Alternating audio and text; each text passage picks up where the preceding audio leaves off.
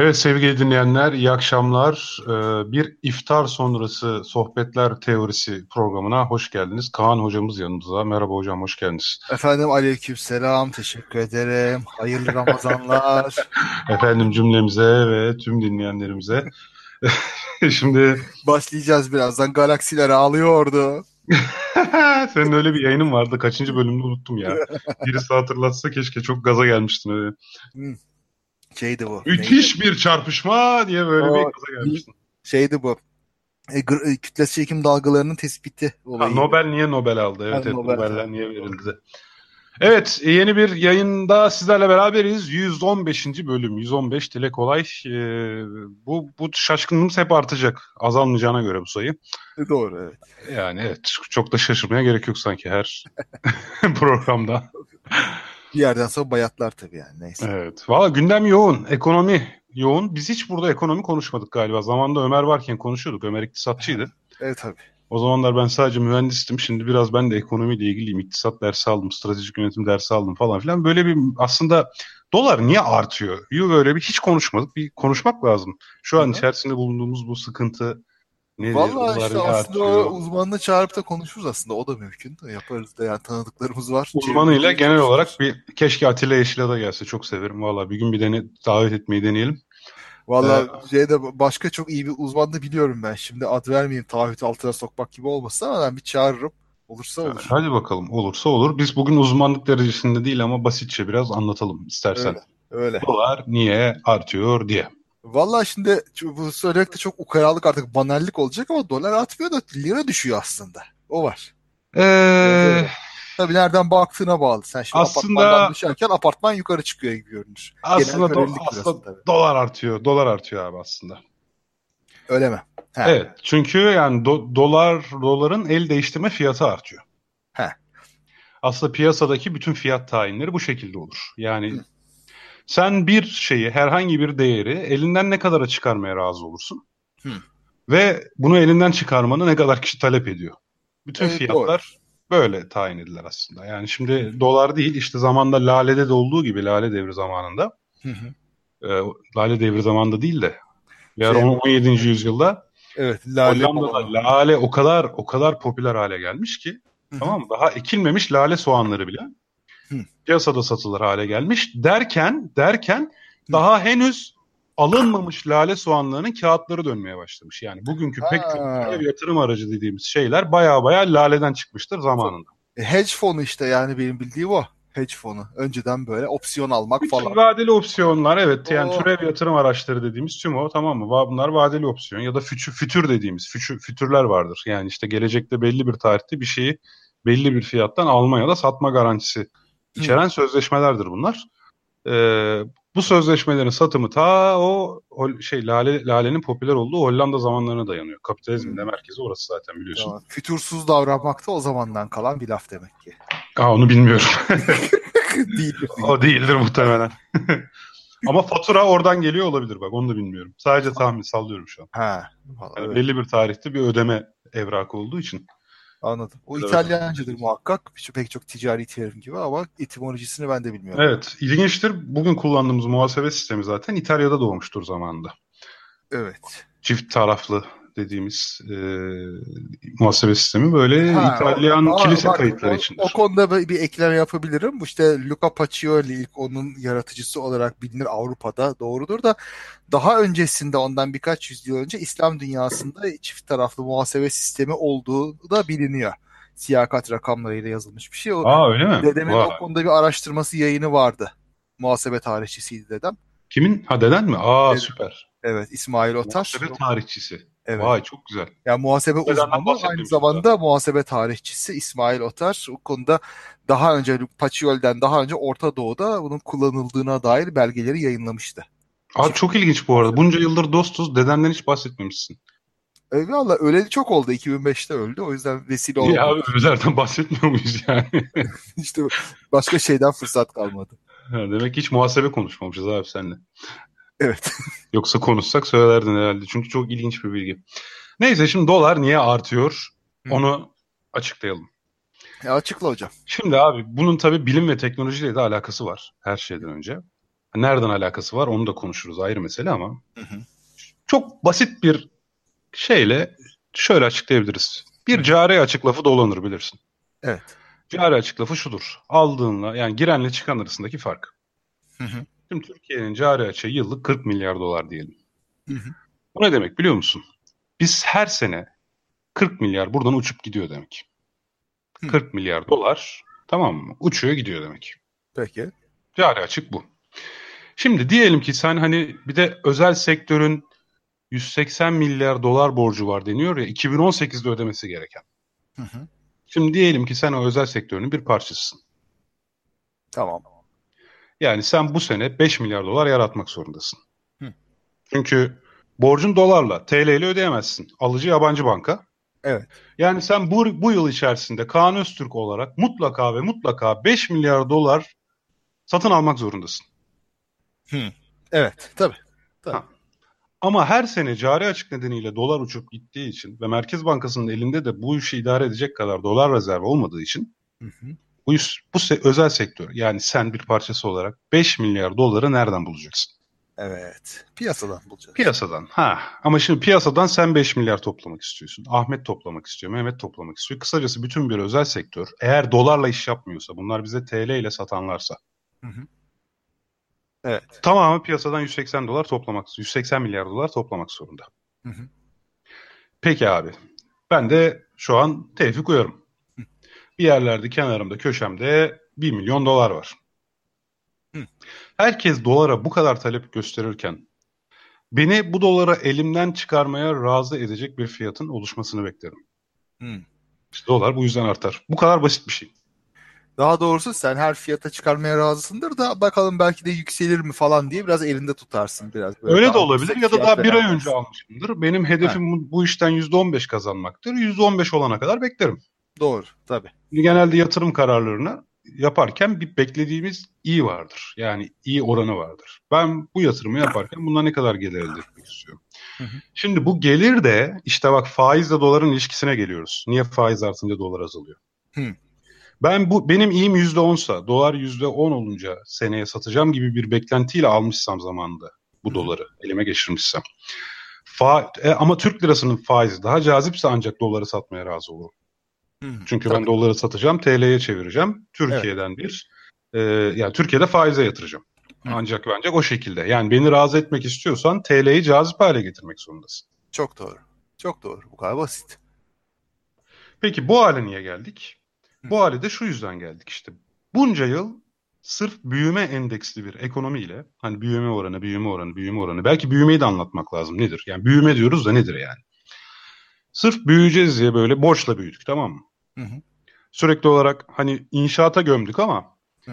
şimdi inşaat bir dış satış oldu zamanında Arapları oldu. Araplar o sayede döviz getirdi. Bir süre öyle idare ettik belki zaten. Orası hı. ayrı mesele ama sen inşaatı yaparken kaliteli betonu dışarıdan alıyorsan bütün o Türkiye'ye inşaat için gelmiş onlarca vinç. Bunlar katma değeri çok yüksek ve yurt dışından ithal edilen şeyler.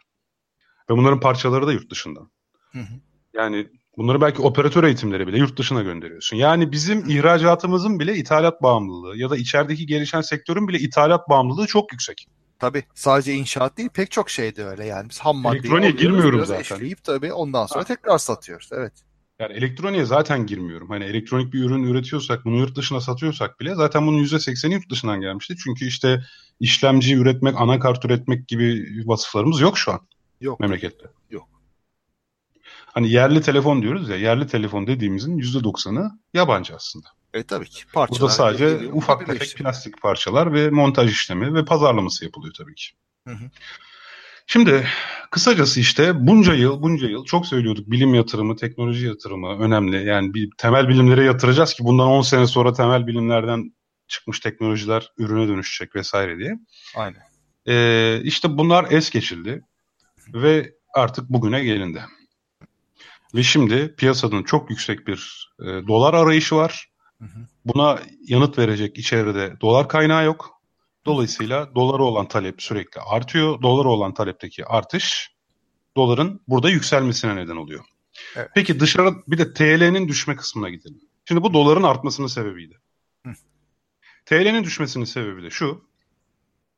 Devletler, bunu şirketler de yapar ama devletlerden bahsedelim. Tahvil dediğimiz bir yatırım aracı ihraç ederler. Hı hı. Tahvil şudur. Sen bana şimdi para ver. Ben bu tahvilin üzerinde yazan parayı sana tahvilin üzerinde yazan vade gününde vereceğim. Hı hı. Yani şunun gibi bir şey. Kaan abi bana 100 lira ver. Hı hı. Şu kağıdı da al. Bak üzerinde kağıdın 120 lira yazıyor. Hı hı. Ve bir sene sonra bugün yazıyor. Gel bana, bir sene sonra bana bu kağıdı geri getir. Ben sana bunu 120 lira öderek ödeyeceğim demek. Güzel. Tamam mı tahvil? Şimdi her devlet tahvil ihraç eder. Yani hazine hani hazinenin kamu borçlanması diyoruz, iç borç diyoruz ya. Hı hı. Hazine içeriye nasıl borçlanır? İçeriye tahvil satarak. Dışarıya nasıl borçlanır? Dışarıya tahvil satarak. Tamam. Bariz. Veya bunu Türk şirketleri de yapabilir. Yani illaki devlet yapmak zorunda değil. Şirketler de tahvil satarlar. Bankalar da tahvil satarlar. Eğer senle ben sermaye, şimdi bir şirket kursak e, ve bunu sermaye piyasası kuruluna inceleterek onay alsak biz de tahvil ihraç edebilir hale gelebiliriz. Yani tahvil ihraç etmek için bazı kriterler var. Onları yerine getirirsek Hı. yeteri kadar şeffaflık vesaire falan filan biz de satabiliriz. Tamam.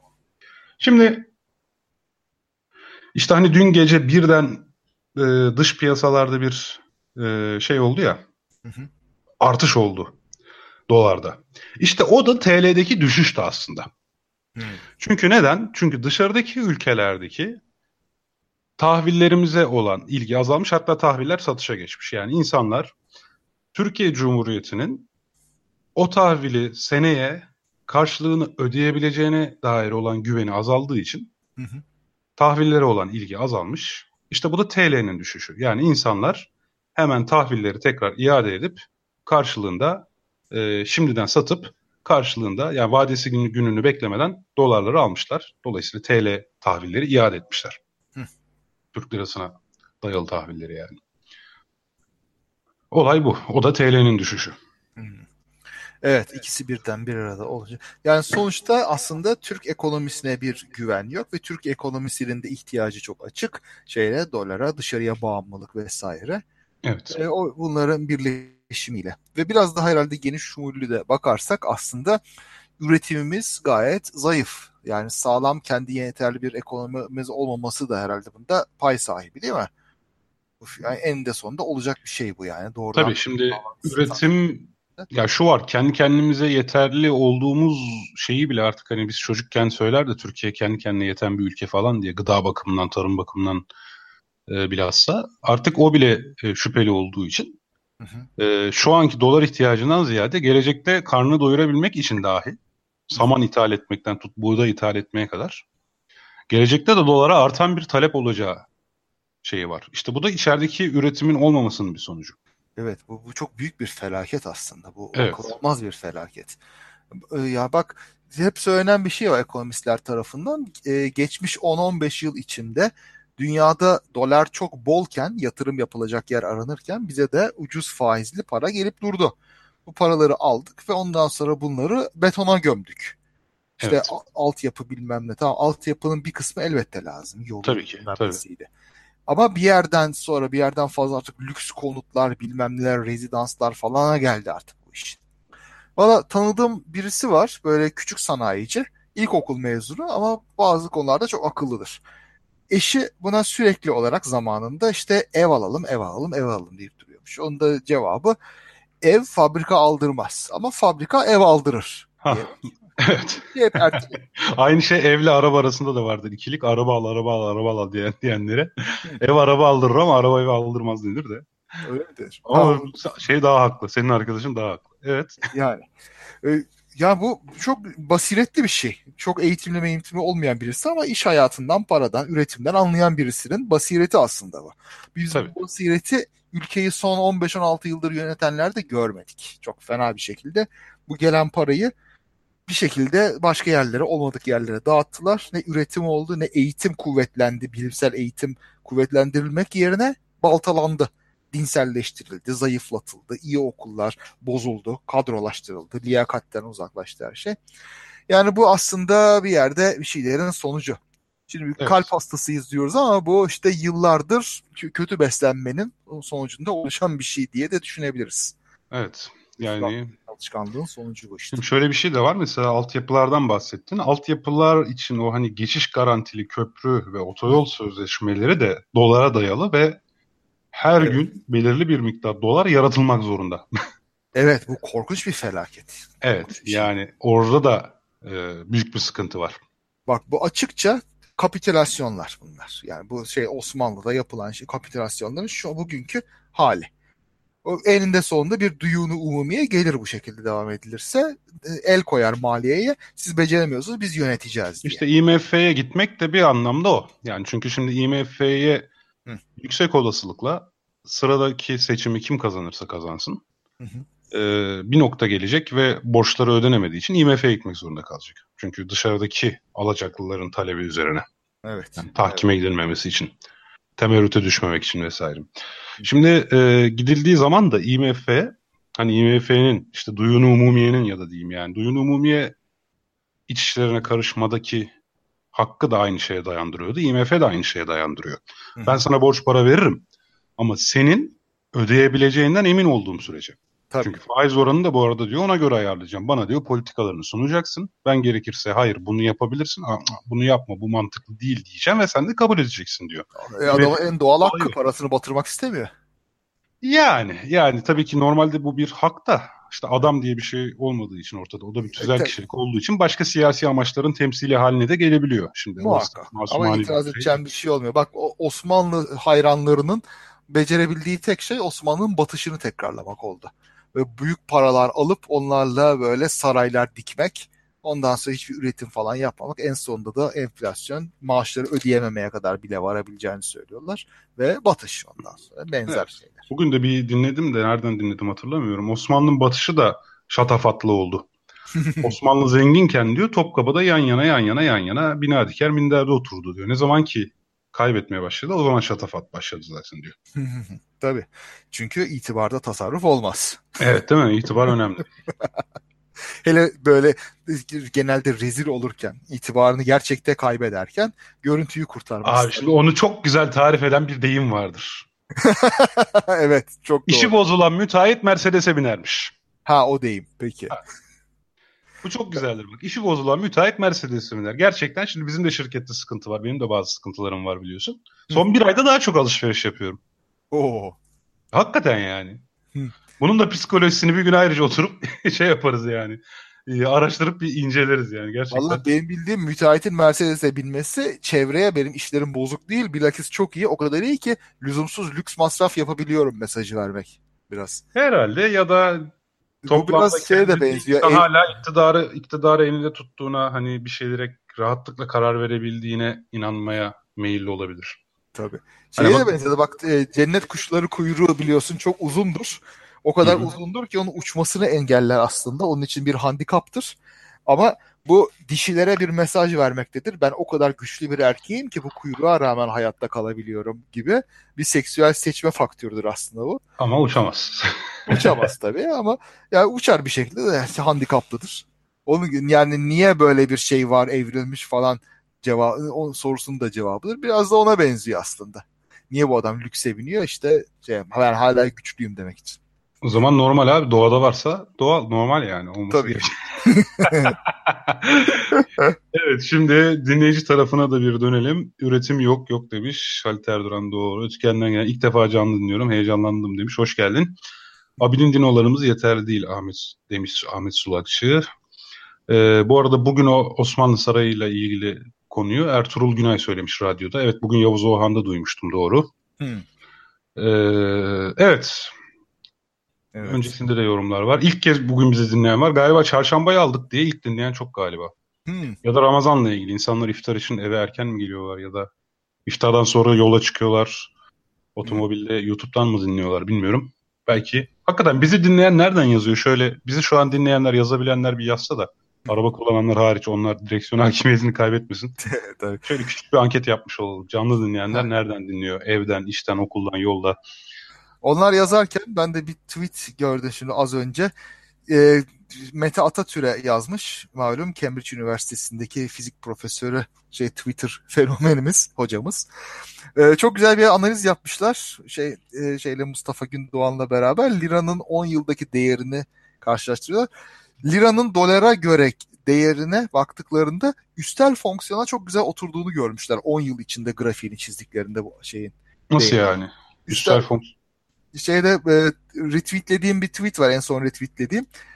Şeye e, bakayım 2008'den bu yana dolar e, fiyatını çizmişler. İşte bir buçuk birden başlıyor bugünlere kadar. Onun üzerine de bir üstel eğri, e üzeri x eğrisi yani eksponansiyel eğri çok güzel oturmuş. Vay be. Evet. Ama onun arkasında başka bir mekanizma var mı yok mu onu da bilemiyorum. Yani sonuçta böyle... E, niye e, 2008'den başlatmışlar? Yani eğri en iyi oradan mı oturuyor? Yok herhalde oraya kadar veri var. Son 10 yıl diye herhalde. Ha, son, son 10 yıl olduğu için. Ha tamam evet. Yani e, tabii şimdi nasıl e, bileşik faizde falan da aslında senin elinde bir üstel eğri olur. Belki bir bileşik faizle ilgili bir şey deme var işin içinde ama hepsinde olmuyor tabii. Mesela Meksika pesosunda doğrusal bir bağlantı var. Çünkü o da değer kaybediyor şey gibi, lira gibi. Evet. Avrupa yani... şeyde avro ile beraber çizdiğinde de aynı şekilde bir üstel artış var. Bu ilginç olabilir ya. Bayağı güzel bir analiz. İlginç. Evet ama şans eseri de olma olasılığı var. Evet. Çünkü çok fazla parametreye bağlı, çok kompleks olduğu için Doğru. Hani oradan e, şey bir kuram çıkarmak zor. Yani yani. Muhtemelen nüfus artışı mesela nüfusun artış hızı da üstel artmış olabilir bu dönemde. Korelasyonla hemen sonuca varabiliriz. Hmm. Dolar nüfus mu yapıyor? Yani muhakkak tabii öyledir de. Valla belki o onları falan ayırıp şekilde biraz daha iyi istatistik, istatistik bilen birisi belki daha iyi yorumlayabilir. Bakmak lazım. Aklıma başka bir deyim daha geldi ama şu an cinsiyetçi tepki duymak istemediğim için onu söylemeyeceğim. Peki. evet. Şimdi esas konumuza gelelim istiyorsan. Bu arada küçük anketimiz sonuçlandı. Herkes bizi evden dinliyormuş. Hı. Arada yer ismi yazanlar olmuş. Kastamonu, Muğla, İngiltere. Oo, ee, 7 düvelden dinleniyor muyuz? Sadece ee, İngiltere ve Türkiye görünüyor şu an. Ha, iki düvel. Peki. İki düvel olsun. Evet. Evet hocam şimdi bu hafta friksiyonomi diye bir mevzu konuşacağız. Hı, konuşalım ee, merak ettim ben de onu ya. Friksiyonomi de geçtiğimiz hafta okuduğum e, pürüzlü mükemmellik. Mehmet Doğan ve Yiğit Ahmet Kurt tarafından kaleme alınmış. Yiğit Ahmet Kurt bana bunu hediye etmişti. Hı. Yani kitabın ikinci yazarı. E, kendisiyle bir internet üzerinden bir dostluğumuz var. E, bayağıdır başucumda duruyor. Yani bir gün ha okudum, ha okuyacağım, ha okudum, ha okuyacağım diye. Hı. Geçen hafta da kitabı okudum diye sorunca böyle bir e, mahcubiyet hissettim ve evet yani ne zamandır başucumda tuttuğum için okumam gerektiğini düşündüm. Başladım. Çok hızlı bir şekilde okundu ve bitti. Keyifli bir kitap. Çok güzel keyifli bir kitap. Şimdi ne anlatıyor tabii ondan evet, on, on bahsetmemiz öyle. lazım. Şimdi hatırlarsan geçtiğimiz günlerde bir radyoda mevzu olduğunda Hı. aslında bu yara merhemlerinin can yakmama şansı olduğunu ama zamanında onun o şekilde piyasaya sürüldüğü zaman insanların e, bu canımızı yakmıyor demek ki iyileştirmiyor mantığıyla e, kremin pazarda pek tutmadığını bir konuşmuştuk bir vesileyle. Hangi vesileyle konuştuk hatırlamıyorum radyo programında. Hmm. Plasebo etkisiyle de ilgili olabilir. Hani böyle can yakan ilaç daha iyidir gibi. Belki o vesileyle konuşmuşuzdur. Tabii tabii belki de. Yani belki de. Şimdi işte friksiyonomi de yani bu kitapta verilen ilk örneklerden birisi o. Çünkü kitabın anlatmak istediği ana fikri iyi anlatan bir örnek. Hı. Şimdi kitaba şöyle bir özetlersek friksiyon nedir diye. Friksiyon hızı az yani ne, nedir fizikte friction? Sürtünme. Sürtünme tabii. Sürtünme ne yapar? Hızı Enerjiyi azaltır. dağıtır, hızı azaltır, harekete geçmeyi zorlaştırır vesaire. Evet yani sürtünmesiz bir ortamda verdiğimiz kuvvet tamamen hıza dönüşürken sürtünme, friksiyon olan bir ortamda e, hız giderek azalacaktır ya da hızlandırmaya çalışsak da sabit hızla gidecektir gibi vesaire vesaire. Kısacası hız tümseye olarak da çok çok anılıyor kitapta. Yani herhangi bir şeydeki hızı yavaşlatan bir faktör. Friksiyon. Hı hı. Kitabın ana tezi de şu. Şimdi tamam hepimizin bu çok hızlı bir çağda yaşıyoruz. İşte çok bak rahat bir şekilde yayın yapıyoruz. Artık her şeyin hızlı olmasını istiyoruz. Beklemeye tahammülümüz yok. Hatta yine kitapta bahsedilen bir araştırma var. İnsanlar süpermarkette kasada sıra beklerken üçüncü dakikadan sonraki her dakikayı iki kat hissediyorlarmış. ya üç dakikayı geçtiyse artık pardon. Çünkü şöyle bir örnek de var. Mesela beş dakika bekleyen insanları sizce ne kadar beklemişsinizdir dendiği zaman on dakika diyorlar. Oo. Bu etki üç dakikadan sonra ortaya çıkıyor. Yani çok çabuk sıkılıyoruz. Hmm. Hiç beklemeye tahammülümüz yok. Hı. Ee, zaten belki işte Twitter'dı, internetti vesaire, Spotify'dı, YouTube'du vesaire falan filan bunlar bizde acayip bir hız alışkanlığı getirdi. Evet. Bilirsin, sen sen çok daha iyi bilirsin zaten de. Yani eskiden internet ve MP3 denen bir şey olmadığı için öyle bayramda dayımdan haçlık alacaktım da gidip kaset alacaktım. Hı. Öyle yani bir albüme sahip olacaktım. Şimdi istediğim şarkıyı klibiyle beraber ya da klipsiz işte izleyebiliyorum. Her şeye erişim inanılmaz şekilde kolaylaştı ve hızlandı. Tamam. Doğru. Doğru. Şimdi diyor ki işte bu kitabın ana fikri de yani bu kitap bir pazarlama kitabı bu arada. Yani tüketici davranışları üzerine bir kitap. Bu kadar hızlı ürünler her zaman düşünüldüğü kadar tutmaz. Yani insanlara kolaylık sağlamak genelde bir stratejidir. Şu an yeni bir fikir, birisi bir girişim işi fikriyle gelseydi bana Hı hı. derdim ki e, yani insanların bir ko- yani kolay bir kolaylık sağlayacak. Yani bir şeyi kolay hale getirebilecek bir iş fikri bul derdim. Ama bu kitap diyor ki işte o kadar kolay hale getirmek iyi değil. Tamam kolay hale getirmek iyi de diyor. Hı hı. O kadar da kolay hale getirmek iyi değil diyor. Tamam. Yani olayın özü bu. Hmm. Friksiyon bu demek. İşte o friksiyon özellikle konulmuş yavaşlatma faktörü demek. Peki ya e, neden hız, hızlandırmak o kadar iyi değil? Ne gibi bir sorun oluyor? Şimdi kitap o kısmı değinmiyor. O kısmı zaten biz kendi bilgilerimizle olabilir diye tartışabiliriz. Açıkçası öyle bir literatürde araştırmadım. Benim ona yönelik bir kuramım var. Hı. Yani bir şey e, yayının sonunda söyleyeceğim biraz anlattıktan sonra. Peki. Kitabın adını söyledim mi bu arada? Evet söyledim değil mi? Pürüzlü Mükemmellik Media Cat'ten çıkmış. Hı. Mehmet Doğan ve Yiğit Ahmet Kurt yazarları. Hı hı. Hızlı ve öfkeli hayatımızda yavaşlayarak hız kazanmak diye de bir alt başlığı var. Çok güzel. Evet. Hmm. Bu bana bazı başka şeyleri de hatırlattı mesela böyle e, ne, ne dedik şöyle bir, bir şeyin çok kolay olmaması falan daha iyi dediğinde. Şimdi e, Amerika'da ne zaman bilmiyorum 60'larda 70'lerde olabilir bu kek karışımlığı ilk çıktığı zaman böyle sadece alıyorsun su karıştırıyorsun e, ondan sonra fırına veriyorsun bitiyor gidiyor oluyor. Ama bir şekilde bundan memnun olmamışlar ev kadınları. Yani e, bir şeyler kendileri yapmak istemişler. En sonunda şeyleri bu kek karışımından yumurtayı ve benzeri bazı şeyleri çıkartmışlar. İşte sadece yumurta katın ve çarp, çırpıştırın ve fırına verin falan denmiş. Ondan sonra çok memnun olmuşlar. Gerçekten çok güzel oldu falan diye. Evet Aslında- doğru hatırladın. Kitapta da bu örnek var. 50'li yıllarda olmuş dediğin olay. Hı, tamam.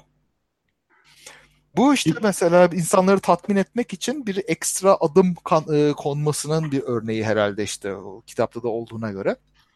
Evet yani bundan da friksiyon olarak bahsetmiş. Ee, ama tabii zaten kitapla ilgili bir iki ufak eleştirim olacak şey sonunda. Hı. Ee, hani bu insanları yavaşlatan bir e, faktör tabii ki. Hı hı. Ama ve lakin burada aynı şeyi erkekler için yapabilir miydik? Muhtemelen yapamazdık. Çünkü o zamanki bu pazar araştırmaları da şunu göstermiş. Kadınlar biraz daha maharetlerini kullanmak istedikleri için bu kadar basit bir şeyi herkes yapar gibi bir fikirle değersizleştirmişler gözünde böyle bir karışımı.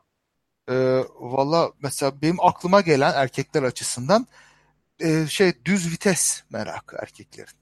Bak şöyle diyeyim ben e, düz Aa, güzel vitesli- örnek bak. Düz vitesli araba kullanmayı ben hiç öğrenmedim. Ben Türkiye'de öğrenmedim araba kullanmayı zaten. Amerika'da öğrendim. Orada da e, otomatik vites standarttı. O yüzden de ben bir şekilde o konuda cahil kaldım. Bu sebeple de düz vitesin neden bu kadar büyütüldüğünü, neden milletin bu kadar bayıldığını hiçbir türlü anlamıyorum. Yani diyorlar işte arabaya daha çok hakimsin bilmem ne. Ya arabada milyon tane şey zaten otomatik serin kontrolü olmadan düzenleniyor. Yani motora ne kadar yakıt basıldığını bilmem neyi de mi kontrol edeceksin mesela arabayı öyle tam kontrol et. O olmuyorsa bırak vitesi de kontrol etme. Ama bu Gerçek... Ha, sen devam bitir bu işte tam böyle bir friksiyona e, örnek olabilir gibi geliyor bana erkekler açısından. Evet Daha güzel örnek. kontrol. Yiğit şu an bizi dinliyorsa ya da daha sonra dinleyecekse ve kitabın diğer yazıları ve bunu da bir dahaki baskıya koymayı düşünebilirler belki. evet doğru orada da bir agency dediğimiz Türkçe'ye eylemlilik olarak çevirebileceğimiz bir olgu var. Hmm. Eylemlilik şu bir şeyleri sizin ne kadar kontrolünüz altında olduğunu yönelik düşünceniz. Hmm. Gerçekten kontrol ediyor olmanız şart değil.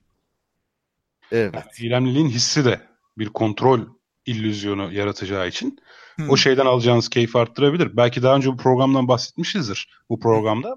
Huzur evinde yapılan bir deney var mesela. Aa evet. Kontrollü bir deney bu. Bir katında ee, deniyor ki huzur evi sakinlerine.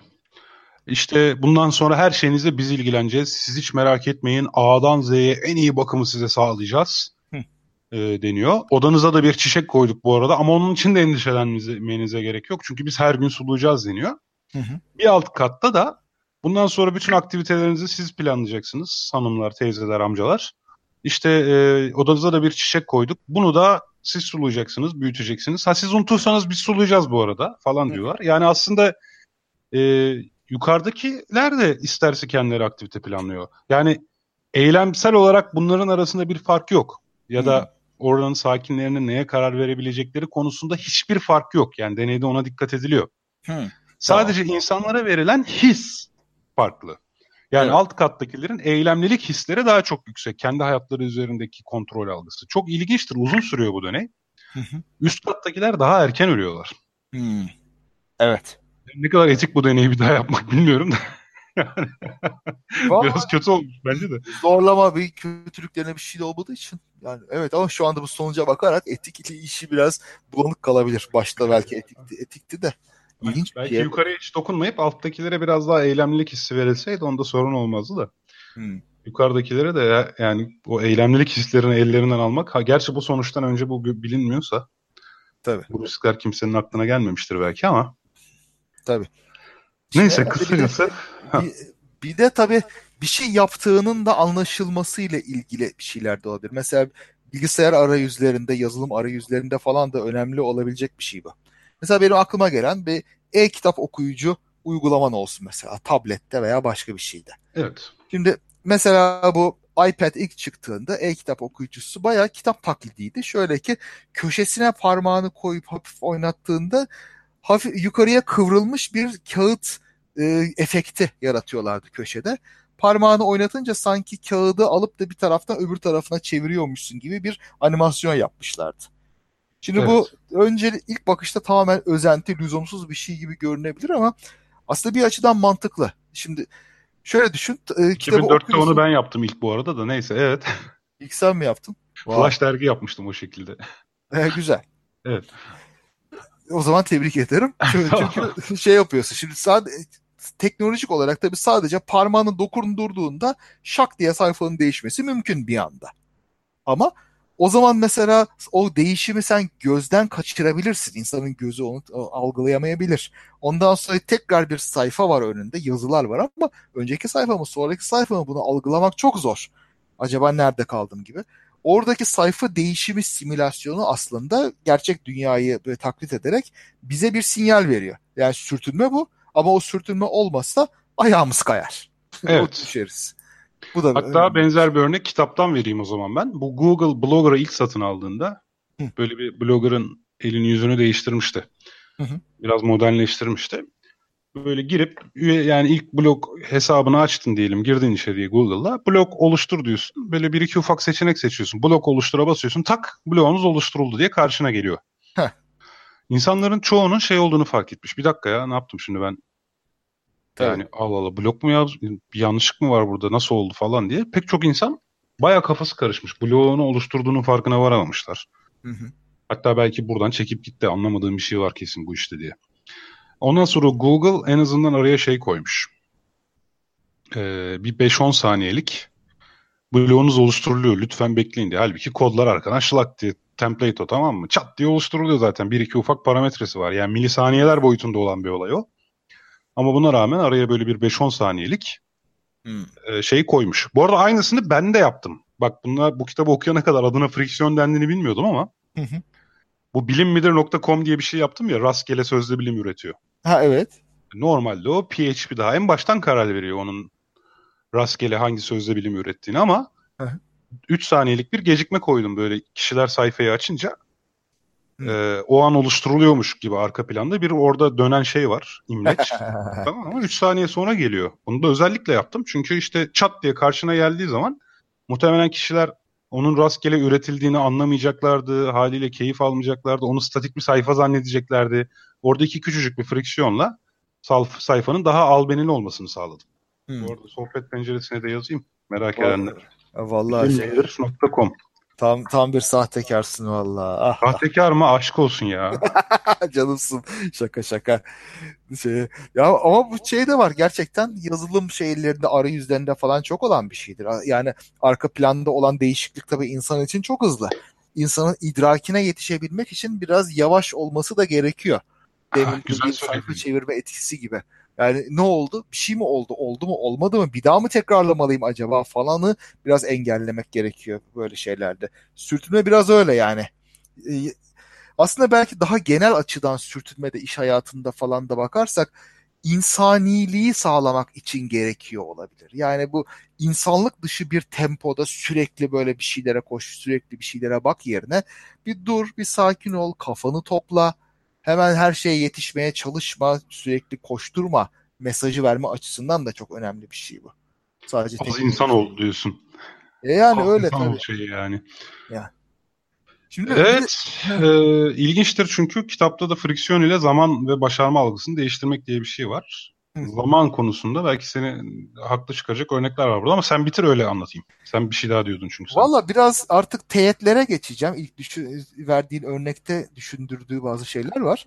Hani e, şeyin ilacın acı vermesi e, düşüncesi. Yani bu ne kadar tam bu fikre, friksiyona uygun onu bilmiyorum ama düşündürdüğü mesela şu var.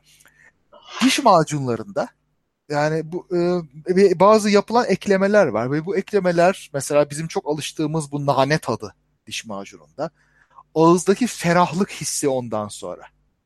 Bunlar hiç gerekli değil dişi temizlemek için. Veya diş macununun köpürmesi. Köpürmesi de hiç gerekli değil. Yine temizler. Bunların hepsi daha sonradan diş macununa eklenmiş özelliklermiş. Gerek nane esansı gerekse köpürmesi. Çünkü insanlar mesela köpürdüğü zaman böyle ağzında diş macunu daha iyi temizlediği hissine kapılıyor. Ee, bu da bir gereksizlik aslında ama daha tatmin edici bir gereksizlik. Yani Nane, o şey, ha, tabii, nane sabuna ve deterjana benzerliği dolayısıyla mı diyorsun biraz? Evet, evet, aynen. Nane tadına gelince o da mesela daha sonra ben dişlerimi fırçaladım hissi yaratıyor. Yani şey gibi e, ben bu işi yaptım bitirdim gibi şey gibi bu sayfayı çevirdim gibi. Ben dişimi fırçaladım. Ne oldu bitti ne bitti değil. Bu hissi bana veriyor. Ama o hissi niye nane versin? İlk diş macunu nane olmadıkça öyle bir hissi o vermez. Ee, yok ilk diş macunu zaten tatsızmış. Hatta tarçınlı falan denemişler ama bir kere nane zaten bayağı kalıcı bir tat. Yani eskiden o... beri nane ferahlamada kullanılan bir şey miymiş ki burada o şeye hisse yardımcı oluyor se- serinlik vermesi biraz. O serinlikle işte temizlik hissi biraz işte alakalı. Tabii su gelmiş gibi vesaire. O bakımda. O, bu şeyden bu bunu ben mesela Charles Duhigg'in kitabında okudum. Bu e, Türkçe'ye de çevrildi. Bendekisi İngilizce The Power of Habit, alışkanlığın gücü diye. Alışkanlıkları nasıl oluştuğu ve bu alışkanlıkların oluşumu mekanizmasını alışkanlıklarımızı değiştirmek için nasıl kullanabileceğimiz üzerine güzel bir kitap bu. Bu da mesela alışkanlık sağlıyor. Neden? Bir e, uyaran var ve onun bir sonucu var. Bu sonuçla biz dişlerimizi fırçalamayı bir ödül olarak düşünüyoruz. Orada bir ferahlık hissi. Bu hisle biz bir şeyi bitirmiş olmanın tatminini yaşıyoruz. Başka bir örnek daha var mesela bunda. Bununla da yakın. Bu e, Amerika'da Febreze denen bir e, temizlik ürünü var. Kokuları giderici olarak pazarlanan bir şey. Fıs fıs böyle sprey şeklinde kullanılıyor. Her türlü kokuyu gidermeye yarıyor. Bunlar denemişler. Kimyasal olarak çok iyi çalışıyor. Aşırı kokuları falan da çok güzel gidiyor. Mesela hayvan bakıcısı birinin evinde hayvan kokularını koltuktan falan gidermiş. Harika bir şey falan demiş. Bu denemelerde çok başarılı olmuş ama satmamış bir türlü. Çok ilginç bir şekilde satmamış. Onun Neden sebebini söyleyeceğim sana. Kitapta vardı çünkü sen bitir. Ha güzel. Ondan sonra şey bunu araştırıyorlar, ediyorlar. Satmamasının sebebini araştırıyorlar, soruşturuyorlar falan. Ve bazı kadınlarla, evdeki kadınlarla temizliği yapan kadınlarla sohbet ettiklerinde şunu fark ediyorlar. Bir şey eksik orada. Bu koku gidericinin içinde hiçbir koku yok haliyle. Kokuyu gideriyor. Ama Aa ben bu işi yaptım, ben, ben burada temizlik yaptım dedirtecek hiçbir şey olmuyor. Akıllarına şu geliyor, bu koku giderici Febreze'nin içine bir parfüm koymak. Çiçek parfümü vesaire falan gibi. Ondan sonra da bu işte temizlikten sonra hafifçe fıs fıs yapıp böyle ortalığı güzel kokutma amacıyla da artık kullanılır oluyor. Sadece koku giderici olmuyor. Güzel koku verici de oluyor. Bunun da sonucu olarak e, kadınlar aa ben evi güzel temizledim yapıyor. Şimdi kadınlar diyeceğim ayrımcılıktan değil bu o piyasaya çıktığı zaman da ev kadınları özel, özellikle pazarlandığı için. Aa çok güzel böyle ben bu işi yaptım bu temizliği bitirdim ev mis gibi kokuyor şimdi oturayım bir kahve içeyim mesajı veriyor. Bu olmasa bu e, parfüm kokusu olmasa koku gidericinin işini yaptığı anlaşılmayacak. Böyle bir etki yani gereksiz bir şey yani bir anlamda sürtünme denebilir gereksiz olduğu için ama hı hı. önemli oluyor. Şimdi kitapta öyle anlatılmıyor. O yüzden bilemiyorum hangisi doğru. Hadi bakalım. E, sonuçta kitap da hakem değil. Belki orada da bir yanlışlık vardır. Ee, orada anlatılan şu. Normalde sadece evinizin kokusunu değiştirin hı. diye pazarlanıyor bu ürün herkese. Hı hı. Yani hatta evcil hayvanların ve sigara kokularını giderin diye. Ama sigara içen bir insan için evde sigara kokusu diye bir şey yoktur. Ha. Almazsın. Ya da sen evcil hayvanın var mesela. Senin için kedi kokusunu sen algılamazsın. Evet. Dolayısıyla doğru. ürünün böyle pazarlanması sana hiçbir şekilde hitap etmez. Tamam. Senin bir sorununa cevap vermiyor çünkü bu. Hı hı. Ama ondan sonra Febrez'i işte pazarlayanlar pazar araştırması yapıyorlar. Ve şunu fark ediyorlar. Güzel koku ihtiyacı sadece ve sadece temizlik yapan ev kadınlarında temizlikten sonraki bir ödül olarak. Tamam. Ancak. Tamam. Benim yani benim dediğime ters değil bu. Zaten benim kastettiğim değil, biraz değil. o. Ancak da değil aslında yine o işi yapıyor ama parfüm ekleme sayesinde o ödül mekanizmasını da çalıştırıyorsun. Evet yani dolayısıyla ev kadınlarına temizlikten sonra eviniz mis gibi koksun mu diye satılmaya başlanıyor yani. Evet. Aynen öyle. Aynen Şimdi öyle. E, ya işte kitapla ilgili de kafamı kurcalayan bir şey var. Hı, nedir? Bunlar friksiyon örneği mi? Ee, ha Şimdi friksiyon nasıl tanımladığına bağlı. Bir işi ha, böyle evet. yavaşlatma falan Şimdi, yavaştan alma, ağırdan alma falansa bunların hepsi friksiyon değil bence. Yani. Şimdi parfüm koymanı niye bir friksiyon olarak saymalıyız? Şöyle diyebiliriz. Gereksiz bir şey eklemek. Yani Gereksiz verin... değil abi. Sonuçta olayın özü koku zaten. Tabii ki daha güzel kokacak. Ama oradaki amaç koku giderici olarak kullanmak. Amacı dışında onu bir güzel koku üreticisi haline getiriyorsun. Yani e, asıl amacını e, kullanmakla kalmıyorsun. Psikolojik olarak tatmin etmek için bir gereksizlik ekliyorsun. Bazen verimsizlik ekliyorsun. Öyle belki yorumlarsak tamam, o zaman. Peki o şekilde bakarsak olur. Ama mesela şöyle bir örnek de var yine kitapta. Normalde saç kremleri için kafanızda 30 dakika tutun yazıyor Oo. mesela. Oy. Belki o dönemde çünkü şey ya şimdi o, o bölümü kaçırdım tekrar okumayacağım da zannedersem çünkü o dönemde kuaförlerde tatbik edilen krem öyle. Bunun evde tatbik edilenini çıkarıyorlar. Çok daha gelişmiş. Aslında istenen etkiyi 3-5 dakikada sağlıyor. Hmm. Ama sırf işte insanlar kuafördeki alışkanlıklarından dolayı ve işe yarama hmm. tüketiciye bir çaba sarf ederek ürünle aidiyet yani ürünle sahiplik aidiyet ilişkilerini kurmak için üzerinde 30 dakika tatbik edin yazıyor. Hmm, çok Böyle iyi. sen daha etkili olduğuna inanıyorsun. Tıpkı kremdeki gibi bir friksiyon işte bu. Yani bu mesela bana direkt hani ikna edici bir biçimde evet bu bir friksiyon şeklinde geliyor. Doğru. Doğru. Yani evet. Belki şey yapsalar 3-5 dakika yeter deseler aa bu iyi değil o zaman falan duygusu da yaratıyor olabilir. Tabii tabii tabii tabii normalde çünkü e, insanların işe yaradığına inanması için işte. Tabii. Hızı biraz yavaşlatmak gerekiyor. Yani bunlar tam olarak friksiyon tanımına uyuyor. Diğerlerini biraz sanki biraz zorlamamız hani bir açıklama bulmamız belki et hoc bir hipotez bulmamız gerekiyor gibi geliyor. Hı hı. Çünkü yani iyi pazarlama ile friksiyon gidermeyi birbirinden ayıran ne? Şimdi kitapla ilgili eleştirim de o zaten. Bazen friksiyonu bir pazarlama yani iyi bir şeymiş, eklenmesi gereken bir şeymiş gibi anlatırken bazen de üstesinden gelinmesi gereken bir şeymiş gibi anlatıyor. Burada bir yanlışlanabilirlik problemi doğuyor. Hmm. Şimdi o zaman hani friksiyon iyidir hipotezinde e, işte ama burada bak friksiyon e, kolu konulmamış tam tersine giderilmiş ama orada da işte böyle bir avantaj sağlamış. Hmm. E tamam ama burada da o zaman friksiyon niye eklenmiş? Ama işte orada da böyle bir şey sağlamış deyince hani bu bir yanlışlanabilirlik problemi açığa çıkarıyormuş gibi biraz felsefi olarak Anladım. kitaptaki her örneğin veya şu an işte bazı şeylerin friksiyon olarak yorumlanmasının da biraz zorlama olduğunu düşünüyorum. Yani bu bir olgu, bu kesin. Anladım. Var, güzel, mantıklı da evet. Gibi yani.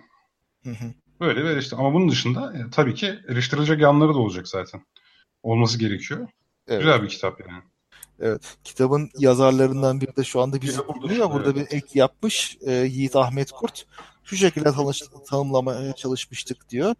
Friksiyon sayesinde iş dünyasında, pazarlamada ya da kişisel yaşantıda elde edilen fayda. Bu yani iyisiyle kötüsüyle friksiyon sayesinde diyerek evet böyle olduğu zaman yani daha fayda, fayda deyince iyisi herhalde anlıyoruz ama yani ee, eh. Hani bazen friksiyon ekleyerek bazen de friksiyon çıkararak iş dünyasında pazarlamada ya da kişisel yaşantıda elde edilen fayda deyince işte o felsefi olarak problemli hale gele, gelebiliyor. Yani bir evet olabilir. Yani bir genel prensip oturtursak belki olmaz ama var mı bilmiyorum tabii. Ben kitabı okumadım doğrusu. Ah, şimdi senden öğreniyorum aslında bu kitabı. E, duruma bağlı tabii. Nasıl sunulduğuna bağlı muhtemelen işte iyi sunulmadı demek ki sen böyle bir e, eleştiri. Evet oralar belki biraz daha netleştirilebilir. Bu arada evet geliştirilebilir de zaten bu. Ee, yani dediğim gibi bir kitabın özelliği muazzam anlatması olacak diye bir kaydı yok zaten. Birileri ilk eseri böyle yazacak. Karşısında birileri eleştirecek. Tabii canım. Yani Daha gelişecek, böyle... yeni makaleler ortaya çıkacak, yeni kitaplar ortaya çıkacak Zaten falan. böyle eleştiriyoruz ama böyle bir kitabın Türkçe'de yayınlanmış olmasından ben çok mutlu oldum. Yani evet, bu evet, çok güzel bir dergi. Benzerlerini pek görmediğim türden bir kitap yani şey değil, birebir bir taklit falan değil. Çok güzel, e, özgün bir eser. Evet, kesinlikle. Yani eleştiriyordu ama yazarlığında tebrik ederim yani muhakkak. Evet, kitabın dili de çok güzel bu arada. Yiğit Ahmet Kurt. Çok teşekkürler. E, kitapta bu arada Tuğsan'dan bahsedilmiş bizim yalan savardan. Oo. Yalan hurafelerle savaşan yalan savar Orgun yazarlarından Tuğsan'ın siz hangi balıksınız başlıklı yazısında diyerek e, bizim Tuğsan'ın bu Facebook'taki anketlerle ilgili yazdığı yazıya da bir referans var. o zaman daha Cambridge Analytica şeyi patlamamıştı galiba değil mi? Patlamış mıydı? Daha patlamamıştı galiba. Daha ye- yeni o Cambridge Analytica olayı zaten. Evet evet Trump'tan önce. Tabii tabii. Bu zaten evet. bu kitap yayınlanalı iki sene olmuş değil mi? Yani. Kitap ya bana 2016'da hediye edilmiş de baskı yılına bakmadım dur bakayım. Ha, ben 2016 diye hatırlıyorum. Şimdi kitaptan çok güzel bir örnek vereceğim. Bak o friksiyona muazzam bir örnek. Benim çok hoşuma gitti. Ekim, Ekim 2016 baskısı. O da şu. Şimdi zamanında Van Halen diye bir grup varmış. Sen bilirsin. Van Halen. Ne grubu? Evet. Müzik grubu mu? Müzik grubu evet. Peki rock grubu yani. 80'li yıllarda en çok satan ve dinlenen metal gruplardan biriymiş. Hı. Şimdi Van Halen'ın kitaptan okuyayım daha kolay. Van Halen'ın sözleşmesi grubun as solisti David Lee Roth'un kendi sözleriyle Çin telefon rehberi kadar kalındı. Oy. Bir yere konsere gitmeden önce öyle bir sözleşme gönderiyorlarmış ki böyle kitap tuğla gibi. Ha, he. Tamam mı? Sözleşmenin sayfaları böyle sahnede her 6 metrede bir 20 amperlik en az 15 priz olmak zorunda falan gibi böyle bir sürü teknik ayrıntılarla dolu. Tamam. Ama bir tane madde var ki tamam mı? O da şu. Kuliste M&M şekerlemesinden olmak zorunda. Ama kahverengi M&M şekerleri mutlaka ayıklanmış olmak zorunda. Hmm. Tamam. Yani kuliste bayağı şu bonibon var ya M&M. Evet. Ondan olacak ama kahverengileri olmayacak. Güzelmiş. Şimdi burada kitapta bunun önemi şöyle anlatılıyor. Yani şimdi her zaman insanlarda böyle bir kaytarma, sözleşmeye uymama durumu zaten olur. Tabii. Ama sen sözleşmeye böylesine titiz bir madde koyarsan hı. adamlar da hayda oğlum bu adamlar çok titiz demek ki. Hı hı. Bunlar şekerde bile buna dikkat ediyorsa prizde mirizde hata yaparsak bunlar bu arada sözleşme de şey fesih hakkı veriyor böyle. Bunlar yoksa gelir adamlar aa yok çeker ha. giderler organizasyon mahvolur. Evet. Sonra... Sözleşme gruba bu hakkı tanıyor. Hı. Haliyle karşıdaki herifler böyle diken üstündeler yani. Hmm. Böyle bir madde olduğu için inanılmaz her şeye özen dikkat göstermek zorunda kalıyorlar. Yani adam MMN'in MMN'in peşinde değil aslında. Bak Karşı bu, tarafı bu friksiyonla daha fazla, daha titiz davranmaya zorlama yani. Bu süper de bak benim bu ben bu hikayeyi okuduğumda bunun motivasyonu farklıydı. Şöyle. Adam bir bir sürü şey şart koyuyor ama bunların hepsini kontrol etmesi tabii mümkün değil geldiği zaman. Adam kulise geliyor ve M&M'lere bakıyor. Orada kahverengi M&M yoksa buradaki bütün ayrıntılara bakılmış, bu şart da görülmüş, yapılmış. Demek ki gerisi de yapılmıştır sonucuna varıyor. Aslında onun olayı teftiş etme mekanizması diye ben okudum bu M&M'leri. Süper aynı kapıya çıkıyor aslında. Evet süper. en friktif, en friksiyonik, e, en friksiyonik mi diyelim nasıl sıfatlaştırırız bilmiyorum da. En sürtünmeli maddeyi oraya koyuyorsun. O, o sürtünmeli madde bile yapıldıysa diğerleri zaten yapılmıştır diyorsun işte. Ha işte. Çok güzel numara yalnız bu şeytanın aklına gelmez. Hakikaten ha. Gerçekten iyi tek iyi tek şey. e, teknik, taktik diyeyim hatta. Evet. Ha bak mesela Orhun Emre Çelik çok güzel bir tanım orada eklemiş. Friksiyonu uygulanacağı konunun toplumdaki algısı önemli.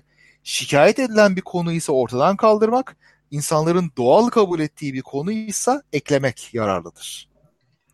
Böyle bir şey. Tabii burada ne bileyim düz vitesi nereye koyacağız onu ben bilemedim ama yani, Yani evet. Kadınlara şikayet etti, erkeklerin ise doğal kabul ettiği bir olgu olarak tanımlanır mesela öyle bir durumda o zaman. Vallahi ben de şikayet ederim. Ben hiç sevmem ama işte nereye konulacak bilmiyorum. Kadınların demeyeyim de daha kontrol şeyinde olan insanların ve olmayanların diyelim. Yani erkekler ancak araba kullanmakla övüneceği için yani cinsiyet ayrımı yaptığımdan değil. Ha, Erkeklerin böyle takıntıları var yani. herhalde öyle. Çoğunlukla öyle. Çünkü maço pilotluk dediğimiz bir olgu var. Erkeklerde ortaya çıkıyor. Kadınlarda çıkmıyor yani. Hmm. Değil mi tabii? Evet yani var. Mesela çok ilginçtir. Evet bazı pilotlar Boeing'i çok sever. Neden? Zor diye mi? Airbus'ta fly-by-wire sistemi vardır. Hı. Uçak joystickle uçurulur. Tamam mı?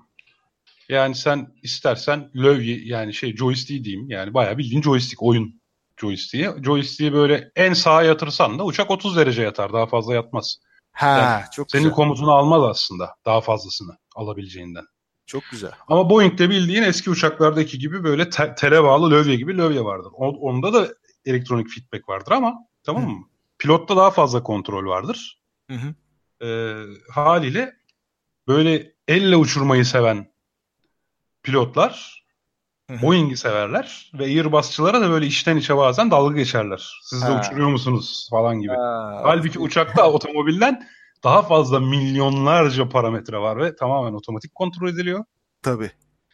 E, Böyle çok ufak bir fark var fly-by-wire Airbus ile Boeing'in lövye sistemi arasındaki çok ufak bir fark yani. O, o büyük o küçücük fark işte siz de uçak mı uçuruyorsunuz kardeşim falana dönebiliyor yani. Çok enteresan ya. Yani insanlar nelerden böyle büyük şeyler pay çıkarıyorlar kendilerine. Çok ilginç. Bak bu Boeing örneği de düz vites gibi güzel bir örnek olabilir eğer kitabın baskısını genişleteceklerse. Evet ya sahiden. Yani aynı şeyin çok daha büyük ölçeklisi gerçekten de. Evet hocam Evet. Vallahi sonlara çok doğru gelmişiz. Evet vallahi çok ilginç konuymuş bu ya. Gerçekten de. Yani bu psikoloji ile işte ne bileyim ergonomi bir yandan da psikolojik ergonomi mi desek yani.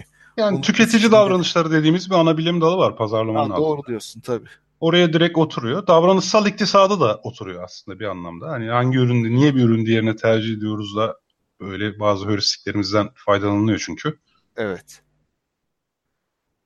Güzel şeyler. Gerçekten. Bu garip garip şeylerimiz var ya. Bi- Biz insanlar çok garibiz gerçekten. Çok Evet. Evet. Neyse. Bu arada biz dört düvelden dinleniyormuşuz. Çünkü Cüneyt var Amerika'dan Evet. ve Onur Arpat var Almanya'dan. Vallahi bravo. Ne? Dört. Güneş batmayan program. Güneşin batmadığı program. Vallahi Japonya'da Amerika'da gündüz şimdi. bulsak. Tabii. Japonya'da işte birilerini bulsak, Avustralya'da falan o tamam artık. E, Halil yok mu Halil Babil? Uyuyor tabii onlar şu an. Uyuyorlarmış şimdi. Oo, Tabii sabahın dördü Avustralya'da galiba. oo çok kötüymüş. Ya. Dolar ne olmuş bir bakalım ya. Ama boş ver ya bırak. O, o dola dursun boş ver ne yapalım. Baksak da dolacak bakmasak da. Olsa ne olur, olmasa ne olur demişti başbakanımız biliyorsun. Evet tabii. Ay ay. Neyse boş ver. Şimdi kafayı sakin tut. Sabahleyin bakarız ne varsa. İyi bakalım. Gece rahat uyuyalım. O zaman tüm dinleyenlerimize teşekkür ediyoruz katkıları için. Muz Cumhuriyeti'nden de bu arada birisi varmış. O zaman tamam güneş hiç batmıyor. Her şey güzeldir orada. Vallahi ne güzel. Gazetelere bakarsanız süperdir. Evet. Öyleyse hadi veda edelim. Bu akşamlıkta burada bitirelim. Ne dersin? Evet bitirelim. Teşekkür ederiz tüm dinleyenlerimize. Yiğit Ahmet Kurda da kitabın yazarı bizzat gelip bakın buradan feedback verdi. Sağ olsun. Vallahi çok sağ olsun. Eliniz, ellerine sağlık tekrardan. Dinleyenlerin de kulaklarına sağlık. Gelecek hafta görüşmek üzere diyelim. Görüşmek üzere o zaman. İyi akşamlar. Daha fazla bilgi edinmek isteyenler Tarihi Osmanlı Mecmuası'nın 3. cüzünün 1912. sayfasına bakabilirler efendim.